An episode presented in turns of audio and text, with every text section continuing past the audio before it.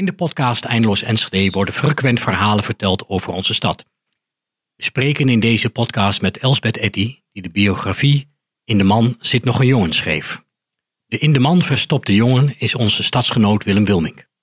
Elsbeth Etty schreef mee aan talloze publicaties, promoveerde op een gelauwerde proefschrift over het leven van Henriette Roland Holst, werd in 2004 bijzonder hoogleraar literaire kritiek en ontving in 2008 de Anne Vondelingprijs voor politieke journalistiek. Kortom, de biografe van Willem Wilmink is niet de eerste de beste. Verslaggever Teun Staal en onze boekenverslaggever Marion Kok voeren met Elsbeth een gesprek over Willem Wilmink, zijn liefde voor Enschede en de sporen die hij achterliet in onze stad.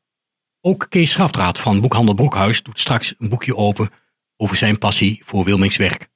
De presentatie is in handen van Henk ten Harkel. Elsbeth Eddy, van harte welkom. Moet je als biografe houden van Willem Wilmink? Nee, niets moet. Niet, niets moet. Maar je moet wel een soort van affiniteit met het onderwerp hebben. Dat had ik niet zo heel erg toen ik eraan begon. Maar naarmate ik me meer in hem verdiepte en allerlei mensen sprak die hem gekend hebben, ja, is mijn, mijn affectie voor hem wel gegroeid. Ja, je hebt hem zelf niet gekend. Ik heb hem gekend, maar uh, niet heel erg uh, intiem.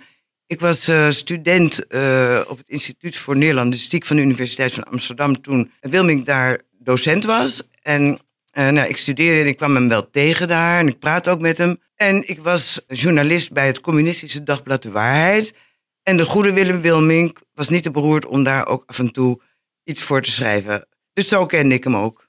Hoe lang, hoe lang heb jij aan deze biografie gewerkt?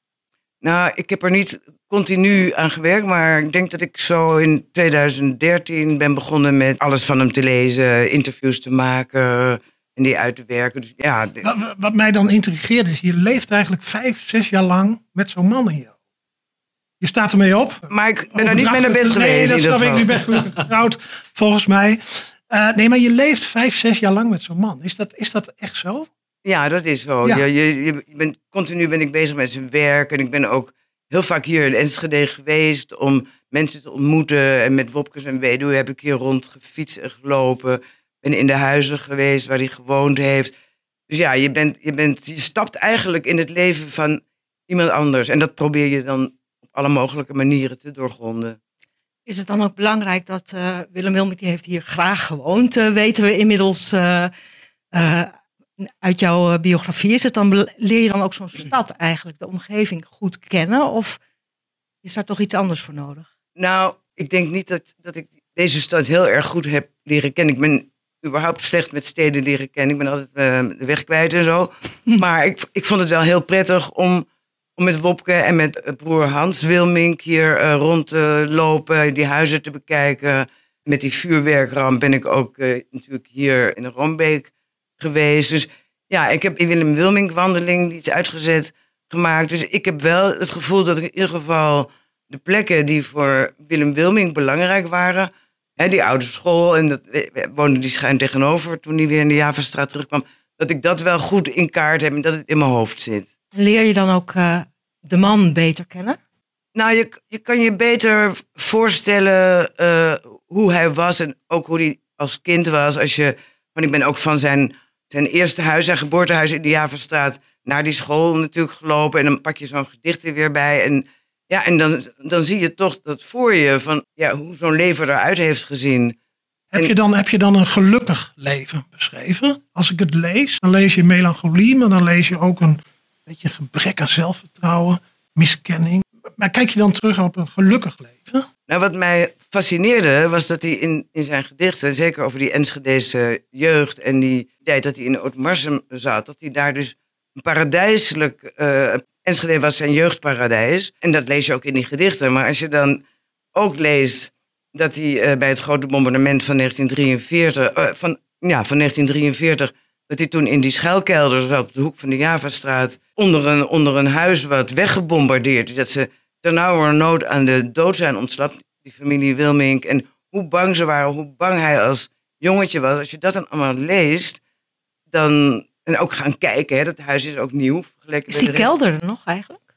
Nee, die kelder is er niet meer. Maar, en dat, want het was helemaal, ze hebben het helemaal opnieuw gebouwd. Maar, maar ja, dan krijg je toch wel heel sterk de indruk dat die jeugd allerminst paradijselijk en allerminst eh, ge- gelukkig was. Maar dat hij in die gedichten zichzelf een nieuwe jeugd heeft gecreëerd. Hij heeft met die gedichten, dat heeft hij ook wel eens gezegd, en met die gedichten heeft hij zichzelf getroost. En Is hij het ook heel erg gerelativeerd, die bombardementen bijvoorbeeld? nee, hij Alsof heeft, het niet zo, terwijl die man, als jochie moet hij natuurlijk doodsbenauwd zijn. ja, hij was doodsbenauwd en daarom is hij ook door de dokter naar, naar, naar Oud-Marsum gestuurd om, hè, vanwege die bombardementen. Dus, dus hij heeft het niet gerelativeerd, hij heeft het als het ware weggeretoucheerd. Dus ja, ik heb in de, in de kranten uit die tijd gelezen hoe die stad erbij lag en dat er overal lijken lagen en, en scènes uit ziekenhuizen beschreven. En iedereen kende wel iemand eh, die, die dood of zwaar gewond was. Maar hij zegt, ja, ik, ik moet lijken gezien hebben, ik moet het allemaal gezien hebben, maar ik kan me niet herinneren. Dus hij heeft het als het ware weggeretoucheerd. We gaan even met Kees Schaftraat praten, die, de directeur van de boekhandel Broekhuis. We gaan kijken wat hij van eh, Willem Wilming vindt. Kees Schafraat, hoor ik jou aan de andere kant van de lijn. Klopt. Ja. Goedemiddag. Welkom. Je bent verzeld geraakt in de, in de podcast met Elsbeth Etty, die ik tegenover me heb zitten, met Teun Staal en eh, met Marion Kok. Nou, ik ben vereerd met het gezelschap. Ja, ja, ja. ja. Nou, wij, wij zijn ook blij dat je, dat je even mee wil doen. We zaten ons af te vragen, heb je zelf wat met, eh, met Willem Wilmink of zijn het alleen de boekjes die je doen? Nou, ik, ik kocht ooit in 1988 de eerste verzamelde gedichten van Wilmink. En dat was toen bij Boekhandel de Vries in Haarlem, waar ik toen werkte. Met een mooie opdracht. Dus vanaf dat moment eh, ja, volg ik uh, Wilmink al. Dus het was mij een, ja, een feest om in, nou ja, toch een beetje de, de, de thuisbasis van uh, Wilmink te komen. Enschede. Mag ik je dan als een groot bewonderaar zien? Ja, ik ben niet zo'n grote bewonderaar als de helft van, van Enschede zelf beweert te zijn vandaag de dag. Maar ik, ik heb hem zeer hoog zitten. Ja, ja ik, ik, ik, ik zit me soms wel eens af te vragen. Ik hoor van sommige mensen wel eens zeggen dat zijn rijmelarijen van, van Willem Wilmink. Vind je dat ook? Nee, ik vind, ik vind dat niet. Ik, bedoel, ik ben erg gecharmeerd van, van ja, je mag natuurlijk geen light first zeggen, maar een Dr. Anders P. Mensen als Jeroen van Merwijk, Kees Tip, uh, Jan Boerstoel, die hebben een bepaalde melancholie uh, ja, gevangen uh, in, in lichtheid. Nou, die spreekt mij bijzonder aan. Kees, we danken het aan jou dat het gedicht Textielstad heel breed voor het voetlicht wordt gebracht in Enschede. Je hebt de pui van je winkel. Klopt. Zeven meter hoog. Zeven meter hoog. Ja. Wat, wat zeg je? Wat ja, was daar het idee achter? Even, even los nou, van een idee... eventueel commerciële achtergrond. Maar... Nou, die zit er helemaal niet achter hoor. Um, uh, kijk, ik, ik heb zelf twaalf jaar in Leiden gewerkt bij, bij, bij een boekhandel. En daar kwam toen in mijn tijd op de Leidse muurgedichten. Meters hoog. Mijn buurman deed dat daar. Uh, en toen kwam ik in, in, in, in Twente en toen dacht ik van vrek. Ik zie al die mooie muren en ik zie eigenlijk nergens zo'n mooi muur. Je hebt wel een foutje gemaakt aanvankelijk, geloof ik. Hè? Met het ja, nou, dat is gecorrigeerd. Is ja. gecorrigeerd. Ja. Maar ik, ik, loop even vooruit. We hebben toen, toen gingen we in 2016 uh, onze winkel prachtig verbouwen.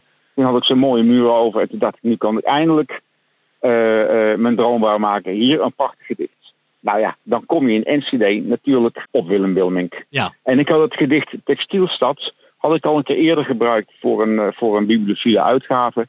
En ik had natuurlijk een meter van een, een, een muur van 7 meter hoog. Ja, dan heb ik geen, uh, dan heb ik een acht regels natuurlijk niks. Nee, dus ik dacht een, een mooie, uh, een, een, mooie zes, uh, zes coupletten gedicht. Nou, Textielstad stond daarop. Er zit nog wel een mooi verhaal achter. Want ik had met de weduwe wilde ik was ik in overeenstemming. We gaan het doen, prima. Ik, ik meldde het bij de gemeente als zijn de start van een serie muurgedichten. Nou, de gemeente die kwam toch een beetje moeizaam naar me toe en zeiden Kees, nou, ik vind, we vinden het wel leuk dat je het doet. Het fleurt de stad wel op. Maar ja, we vinden het wel een beetje een somber gedicht over Enschede. Ja, we, Kees, ja. Hey Kees, Marion hier, zou je het even kunnen voorlezen eigenlijk? We zijn zo benieuwd. Nou ja, kijk, ik vind het wel bijzonder dat je iemand, uh, een Limburger, vraagt om een gedicht over Enschede voor te lezen. Ik zit maar in ik de vraag auto. je niet ik om het geen... in het Twents voor te lezen, hè? Gewoon Nederlands heb... mag ja, hoor. oké. Okay. Ik snap het wel. Ik zit in de auto, ik heb het boek niet bij me, maar ik ken het redelijk goed uit mijn hoofd. Oh, nou, ga je gang. Dus als jullie, uh, ik, ik durf het wel aan. Ja, nou wij ook wel. Ga je gang. Nou, textielstad. Het is het eindpunt van de trein. Bijna geen mens hoeft er te zijn. Bijna geen hond gaat zo ver mee. Enschede. De burchten van de nijverheid staan er nog her en der verspreid. Spelonken, hol en afgeleefd, waar nu de wind vrij spellen heeft. Textielbronnen van weleer. Hun jachtgebied bestaat niet meer. Waar zouden ze gebleven zijn? Van Heek, Ter Kuilen, Blijdestein? Hebben ze kinderen voortgebracht? Hebben ze hier nog nageslacht? Of koos dat snel een betere stee dan Enschede? Krim, Berkenkamp, Sebastopol, het is voorbij. De maat is vol. Bijna geen mens hoeft hier nog, heeft, heeft hier nog weet van uw gelatenheid, uw leed. Dwars door het uitgeteerde hart loopt nu de kale boulevard met postkantoor en V&D. O, Enschede, Enschede. Ik Mooi. struikelde ergens, maar eh, dat was ook precies de zin waar ik toen ook fout in ging. Dat ik het woordje mens heb weggelaten. Die zag Ja, er heel goed. voelt echt iets toe hoor. Ja, Heel mooi. vertrouwd, Zeg, hoor. ik, ik heb misschien nog een laatste vraag voordat wij eh, eh, afscheid van je nemen. Doet de biografie het goed? De biografie doet het eh, geweldig goed. Inhoudelijk een, een, een- meesterwerk dankzij eh, Elsbeth Etty. En Ja. natuurlijk is eh, daar is natuurlijk jarenlang rijkhalsend naar uitgekeken eh, in, in Enschede. En ik ben blij dat, dat het inhoudelijk ook het applaus krijgt wat het verdient. Dus we zijn heel blij met het eerbetoon aan Wilmink, aan Enschede. En, aan- en, en, en de, en de verkoopcijfers? Ja, nou ja, dat, dat, dat is prima. Maar ik heb, ik heb één persoonlijke missie. Dat heb ik al jaren geleden geroepen. Ik rust niet tot in, in ieder huishouden van Enschede het verzameld werk van Willem staat. Nou, eh, dat, dat is een mooie afsluiter. Zeg hartelijk bedankt voor je medewerking en we spreken elkaar tot de volgende keer. Graag gedaan. Succes. Dag. Nou, wat vind je ervan, eh Elsbeth? Ja, nou ja, ik zit eh, hier te blozen gewoon van, eh, van trots en alles. Maar ik vond het een heel mooi verhaal. Omdat het komt ook in mijn boek voor, hè, dat muurgedicht. En die fout die, die daarin stond. En eh, er was een hele, toen dat werd onthuld door Wopke en Herman Vinker samen, was er een, ontspon zich een hele discussie. Want het woord mens was dus weggevallen. En ehm, nou ja, de ene vond dat dat niet kon. En Herman Vinkers vond dat het veel mooier geworden was door dat woord wat, wat was weggevallen. En toen is Wopke die is gaan kijken in de boekwinkel. En die heeft dat, die verzamelde werken, die dus in ieder huisgezin in Enschede eh, moeten komen te liggen. En die zei, nee, dit, dit, dat woord mens moet er echt eh, eh, in of uit. Dat ben ik weer even vergeten. Ja. Ehm, In. In. in. Ja. Moet er echt in, want dit, dit is door Willem zelf geredigeerd, dit gedicht. Dus nou ja, toen hebben ze het, eh godzijdank, kunnen corrigeren. Maar de- dat voorbehoud wat de gemeente maakte, dat, dat, dat maakte ook een columnist in Tubantia. Want die zei van ja, het is al, al helemaal niet meer het eindpunt van de trein. En het is helemaal geen dode stad meer waar niemand wil zijn.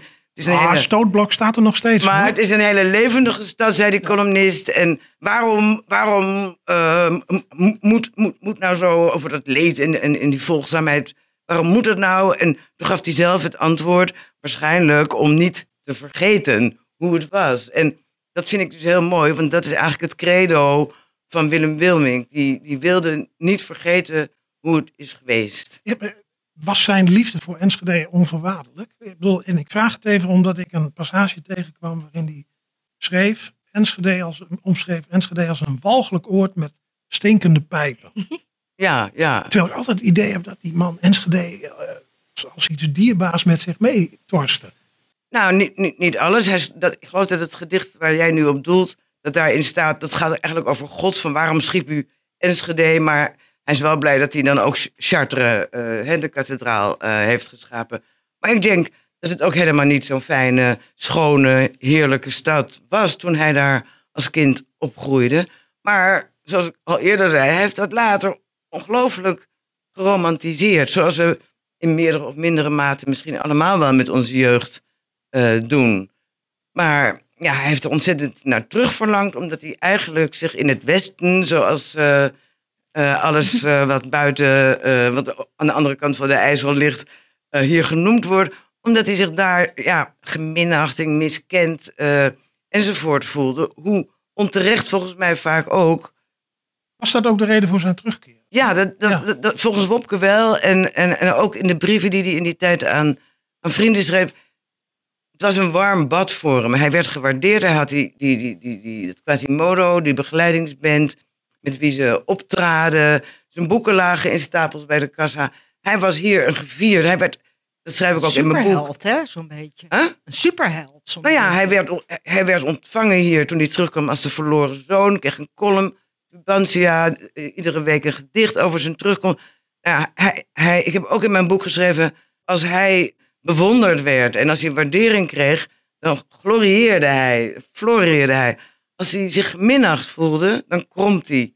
En ja, hier heeft hij zich zo ja, gewaardeerd en geliefd gevoeld, waardoor hij helemaal is opgebloeid. Waarom, waarom heeft hij die erkenning in de Randstad in Amsterdam voor zijn gevoel nooit gehad dan?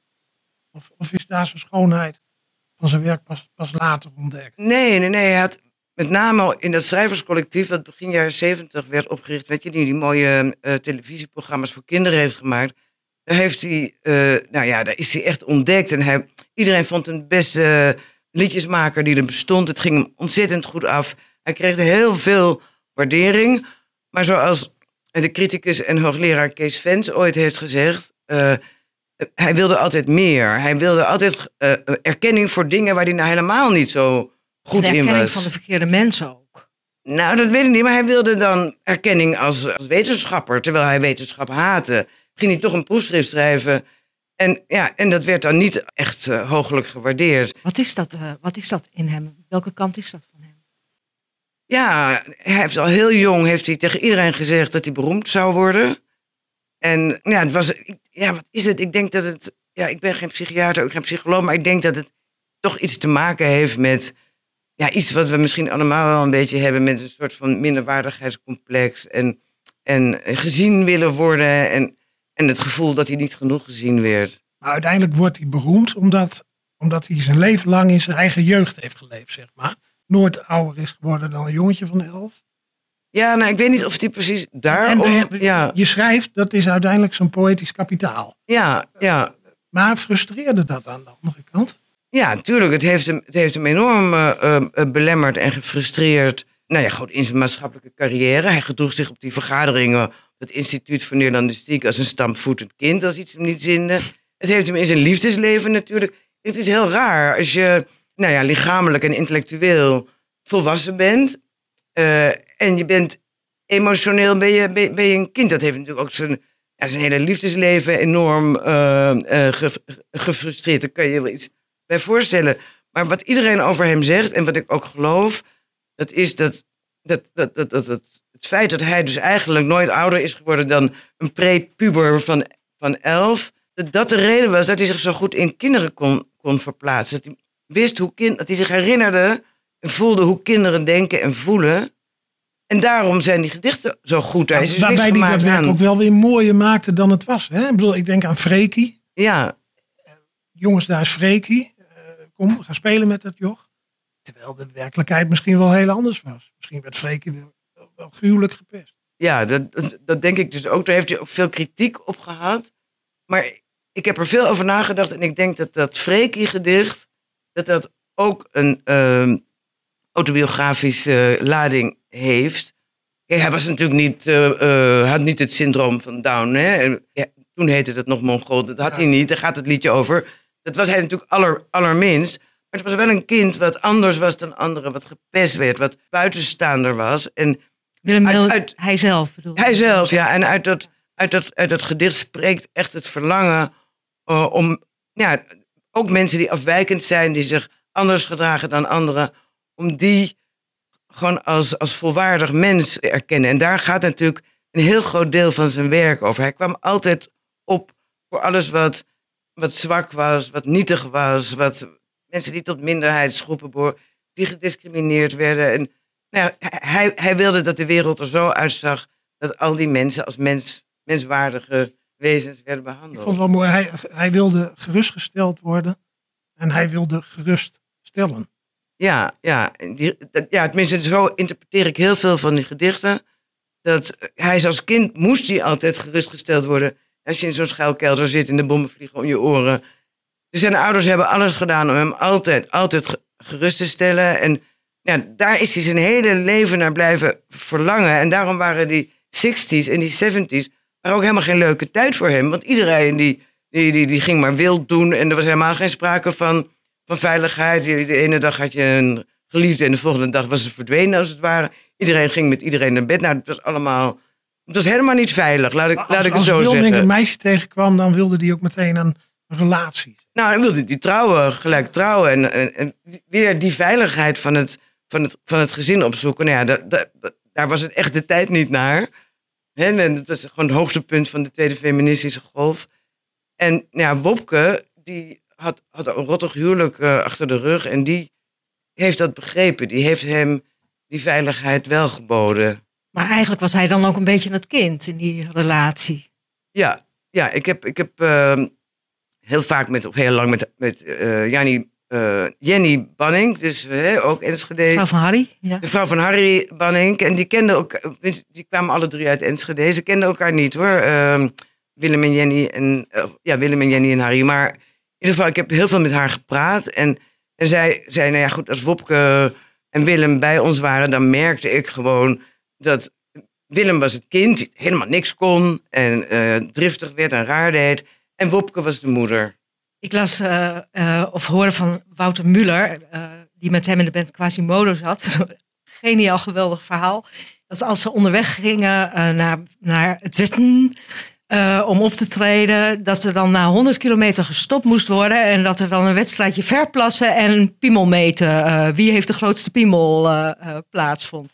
Herken jij dat soort eh jongensstreken? Nou, deze kende ik niet. Ik had, dus, ik, heb, ik had toch met hem moeten gaan praten, want dat is een heel goed verhaal. Maar ik eh, heb wel een schoolvriendje van hem, die citeer ik ook van het lyceum, die citeer ik ook in het boek. Dat hij dat soort spelletjes ook altijd met hem deed en tot hun zeventiende ongeveer. En, en ook dat die jeugdvriend een keer, toen hij al in Amsterdam woonde, kwam logeren. En, eh, en toen zei Willem, dat is helemaal opgewonden, die maakte hem wakker. Die zei, moet je komen kijken. En had hij een, een gaatje in zijn muur. En naast zijn kamer was een badkamer. En er soms je ging, niet. ging dus iemand zich dan, een, dame ook die daar een kamer huurde, ging zich wassen. En dan ging hij dus echt, eh, nou ja, als een kind, ging die, ging die, die, die vrouw staan beloeren. Geweldig. En daar was hij ook heel open over. Ja, ja, ja. Altijd kind gebleven. Ja, Ik, ik zit Ja. me eigenlijk af te vragen, wat, wat zou... ehm, als je nou... Je, je- je hebt Enschede een beetje leren kennen. Je hebt Wilmink nog beter leren kennen. Vind je dat... dat ik vind zelf namelijk dat het lijkt alsof Enschede er niet zoveel aan doet aan Wilmink. Ja, we hebben een beeld en we hebben theater. Maar schiet op zeg. Route, volgens mij. Nou, ik heb, Ja. mijn boek eindigt er, er, er- ermee dat er ook wel mensen zijn zoals, eh hoe heet die? eh, nou, ja, Ja. die heeft dus een, een, een, een biografie van Harry Banning geschreven. En die beschrijft dan ook van, nou zeg, het houdt nooit op. Ik, ik, eh, Harry Banning heeft niet eens een, een straat. En nou, Willem Wilming die heeft een theater en een plein. En, Een eh, festival. Nee, Banning en een inmiddels een festival. straat, volgens mij. Bij, Nou, bij, bij het Wilming. ja, maar dat is een heel Heel klein, eh, hoor. heel klein steegje. geen Ja, maar eigenlijk ja. zeg je, ik vind het wel Maar- genoeg. Of niet? Zeg Hij dat? zegt, ik vind het wel... eh, Die, die, Die Ton Ouwehand zegt Ja, dat. die zegt, Ja. ik vind het wel genoeg. En eh, nou, ik, ik vind het prachtig natuurlijk, dat het aan een schrijver zoveel... Maar je kan echt niet zeggen dat Enschede geen aandacht aan Willem Wilming besteedt. Maar, maar kunnen en moeten we meer doen? Eh, Je zei net van eh, iedere Enschede moet het boek op. eh, Ja, dat zei- zijn schafraad, hè? of dat- zijn dat werk, zei- sorry. Nee, nee, dat zei, Nee, maar je zei volgens mij, zou zijn werk moeten lezen en in bezit moeten hebben. Even dat zei, nee, dat zei, dat zei dat zei ik Ja. niet. Eh, nee, ik vind echt dat, dat, dat, dat Enschede... En ook al die voorstellingen die er, die er, die er altijd weer gegeven worden... Nee, ik, ik ken eigenlijk geen stad, een stad die zijn schrijvers zo eert... als, als Enschede doet en gedaan heeft. Schrijver. Nou, Nou ja, deze schrijver, zo, eh, ja. Ja.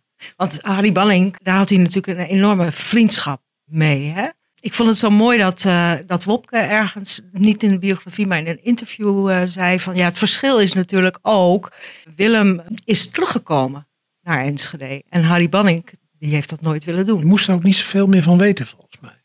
Heb ik het idee. Nee, dat idee heb ik ook. Nou ja, ik, ik heb geen biografie van Harry Ba- Banning geschreven, maar ik denk wel dat het helpt. Dat als je, als je ja, weet je wat, wat, wat ook een rol speelt, denk ik, dat, eh, dat, dat, dat men ontzettend trots was hier op, eh, op, op Willem Wilmink, omdat het iemand was die in het Westen beroemd was.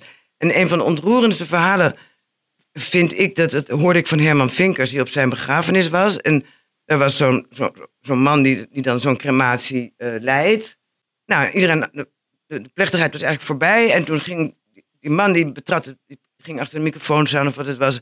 En die zei, ja, het is niet gebruikelijk dat ik spreek op crematie. Dat heb ik nog nooit gedaan. Ik zal het misschien ook nooit meer doen. Maar in het geval van Willem Wilming, ik ben een geboren Enschedeer.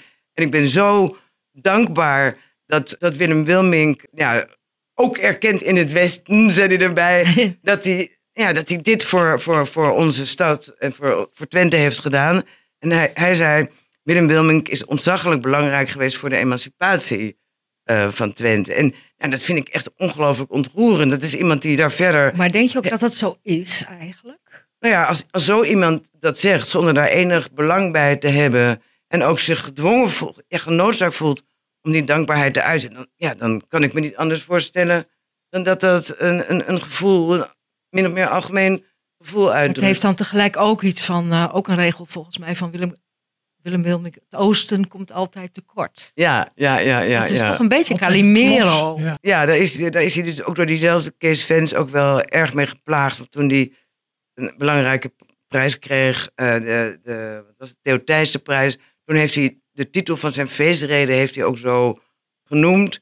En dat vond hij dus ook echt wel typerend voor, eh, voor Willem Wilming. Dat hij inderdaad vond hè, dat niet alleen hij, maar heel Twente eh, eh, werd, werd dan door, het Westen onderschat. En, Maar merk je dat zelf ook in de gesprekken die je gevoerd hebt, dat Wilming bijgedragen heeft aan het trots en het zelfbewustzijn van deze stad? dat, ik, eerlijk En gezegd, dat zijn geen vanzelfsprekende eigenschappen voor Enschede. Hoor. Nou ja, ik, ik, eerlijk gezegd kunnen jullie dat beter beoordelen dan ik. Maar in ieder geval toen, toen hij dus gestorven was en er een, een, een condoleanceregister werd geopend en de advertenties in de kranten en de brieven die aan Wopke geschreven zijn, het eerbetoon wat de gemeenteraad en de burgemeester aan hem hebben gegeven, dan kan ik toch niet anders ehm, ja, oordelen dan, dan, dan ja, dat hij een bijz- bijzondere plaats inneemt, in ieder geval in het bewustzijn van veel Enschede'ers. Merk je dat ook bij de verkoop van het boek? Eh, je gaat het hele land door, neem ik aan. Eh, vandaag in Enschede. Eh, is die belangstelling in, in Amsterdam ongetwijfeld ook groot, maar in, in andere steden? Eh, Da- Daar weet, ik heel, daar weet ik heel weinig van. Ik ben gelukkig geen boekhandelaar, maar ik weet wel. nee, je komt er om te Ja. signeren wellicht. ja, nou ja, ik weet wel dat, dat, dat in de eerste week gelijk al eh, de, de, de tweede druk eh, eh, verscheen. En Dan denk ik altijd, hoe groot is de eerste druk? de eerste druk was 5000. En ze hebben een tweede druk van 3000. En nu is de derde druk Zo.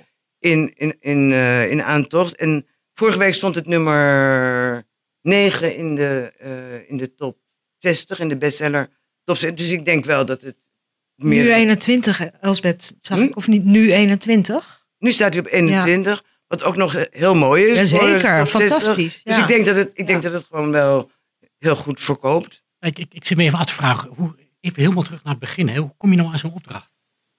Sta je dan in de rij en zeg je van, eh, nou, ik wil wel graag schrijven. En eh, je wordt uitgekozen door iemand eh, die dan vindt dat je dat heel goed kunt. Er stonden andere mensen in de rij. Er waren eh, een aantal kinderboekdeskundigen die, die heel graag eh, de biografie van eh, Willem Wilming wilden schrijven. Ehm, nou ja, ik, ik heb daar nooit over nagedacht. Dus ik stond zeker niet in die rij. Maar ik werd op een gegeven moment door ehm, uitgever Vic van der Rijt... Ik kreeg een mailtje en die zei, heb jij niet eens een keer zin om weer een mooie biografie te schrijven? En ik zeg, ik zeg alleen maar over wie als je ja zegt, nu. En ik werd natuurlijk ontzettend benieuwd. En eh, ik dacht, nou, kan mij schelen. Ik zeg gewoon ja. en toen kreeg ik een mailtje terug en daar stond, ja, Willem Wilming, fantastische tekstschrijver. En, Vond je dat ook eh, toen al? nou, ik kende, ik kende ja. veel van zijn, van, van zijn werk, maar het was niet een persoon of een dichter die ik ooit in, mijn- in mijn gedachten had gehad om, om daar een biografie over te schrijven. Maar ja, goed, ik ben, er, ik ben eraan begonnen en ik vond het steeds interessanter worden. Hoe zou die het zelf hebben gevonden? Dat een, eh, een, rode vrouw, een communiste, voormalig communiste, wellicht. Eh, zijn biogra- Wilming was niet een man van verheven politieke idealen volgens mij. Nou, hij liep er niet mee te koop. Ehm, hoe zou hij dat gevonden hebben? Ja, de, de reden waarom Bobke en Vic van der Rijt mij hebben gevraagd, dat was om, ze, ze, ze waren bang dat die, dat die anderen die in de rij stonden, dat die Willem zouden reduceren tot een kinderboekenschrijver. En dat haat, dat heeft Willem altijd gehaat. Die wilde dus een schrijver, een volksschrijver voor iedereen zijn. En hij, er bestaat een brief van hem, die is ook in dat brievenboek opgenomen, waarin hij zegt dat hij die biografie over Harriet Roland Holst, die, die ik geschreven heb, dat hij dat een geweldige biografie. En zo hoorde een biografie Maar dat geschreven stond toch ook in, de, eh, in het boek wat hij zelf in bezit had Ja, eh, ja, geschreven? Ja, nou ja, de, de eerste keer dat ik bij Wopke in Almere thuis kwam om te praten over de biografie, toen zei ze, nou, ik zal je iets leuks laten zien. En toen wees ze me zijn boekenkast met boeken die hem dierbaar waren. En ehm, daar stond dus mijn biografie, de eerste druk. Ik kwam in 96 uit en daar had Willem ingeschreven, ik viel 5 december eh, 1996, van Sint voor Willem. en dat vond ik zo aandoenlijk en ook weer dat kinderlijke. Dat, ja, dat gaf eigenlijk voor mij de doorslag om eraan te beginnen. Tot slot, als je nou, eh, hoe, hoe lang blijf je nou nog onder de indruk van Willem Wilming? Dat wil zeggen, hoe lang blijft dit nu eh, even je werk? Nou, ik denk dat het, als ik gewoon met Harriet Roland Hos, dat gaat tot op de dag van vandaag door. Dus je blijft Ja. dan wel zo iemand volgen en, enzovoort. En hoe het allemaal. Ja, nee, dat, die blijft gewoon altijd bij me. Hij gaat op je rug zitten. En dat niet, geloof ik, hoop ik. Maar en ik, en ik hoop ook heel erg dat ik bevriend blijf met Wopke en met alle mensen die, met Hans Wilmink, alle mensen, ontzettend aardige mensen die ik nou, gewoon heb leren kennen tijdens dit hele project. Verrijking dan. Ja, zeker. Ja. Ja, ja, ja. Zou Nou, jij... eh, Kon Wopke leven met, met jouw observaties? Of was daar wel eens... Nou, ze heeft wel eens gezegd dat ze, dat ze eh, eh, vooral. Ik heb haar heel veel laten lezen, de, alle passages waar zij in voorkwam. En dat ze, af en toe had ze correcties of zo. Maar ze vond het wel confronterend hoe ik zijn, kan me voorstellen. hoe ik zijn tijd in Amsterdam schreef. Ik moet zeggen, ze is de ideale eh, schrijversweduwe. Want ze heeft mij dus nooit. Ze heeft me wel, als ik echt feitelijke fouten maakte, heeft ze me gecorrigeerd. Maar ze heeft me nooit in een of andere richting gedwongen. Nou, en ze was er ook niet bij in die periode, toch? nee, nee, en Dus daarom vond ze ze Ja, er maar- niks aan doen. Nee, Ja. nee. Oké jongens en meisjes. Nou, Ehm, we willen eigenlijk Henk nog heel ja. graag dat Elsbeth een gedicht voorleest. Ik ga het gedicht voorlezen waar mijn boek mee eindigt. Eh, en dat heet Dood zijn duurt zo lang. Van Tommy, hè? In Sesamstraat. Sesamstraat heeft Tommy dat Ja. gezongen. Het is niet fijn om dood te zijn. Soms maakt me dat een beetje bang. Het doet geen pijn om dood te zijn. Maar dood zijn duurt zo lang. Als je dood bent, droom je dan? En waar droom je dan wel van? Droom je dat je in je straat langzaam op een trommel slaat? Dat iemand je geroepen heeft? Droom je dat je leeft? Ach, wat maak ik me toch naar? Het duurt bij mij nog honderd jaar voor ik een keertje dood zal gaan. Ik laat vannacht een lampje aan. Heel lief. Dankjewel. Dankjewel, Elsbeth. Nou, de mensen die meer over Willem Wilming willen weten, moeten de biografie maar kopen, denk ik. Elsbeth Etty, van harte bedankt voor eh, je bereidwilligheid om met ons te praten over Willem Wilming. Deze podcast is te vinden op de sites van 120 en Tubantia. Eh, ook bedankt aan Teun Staal en Marion Kok voor hun medewerking. Deze en andere afleveringen zijn verder te bekijken en te beluisteren, vooral op Spotify, iTunes en Soundcloud. De komende weken maken we een aantal podcasts over water in Enschede, de bedreigingen en kansen of hoe maken we onze stad waterproof. Tot de volgende keer.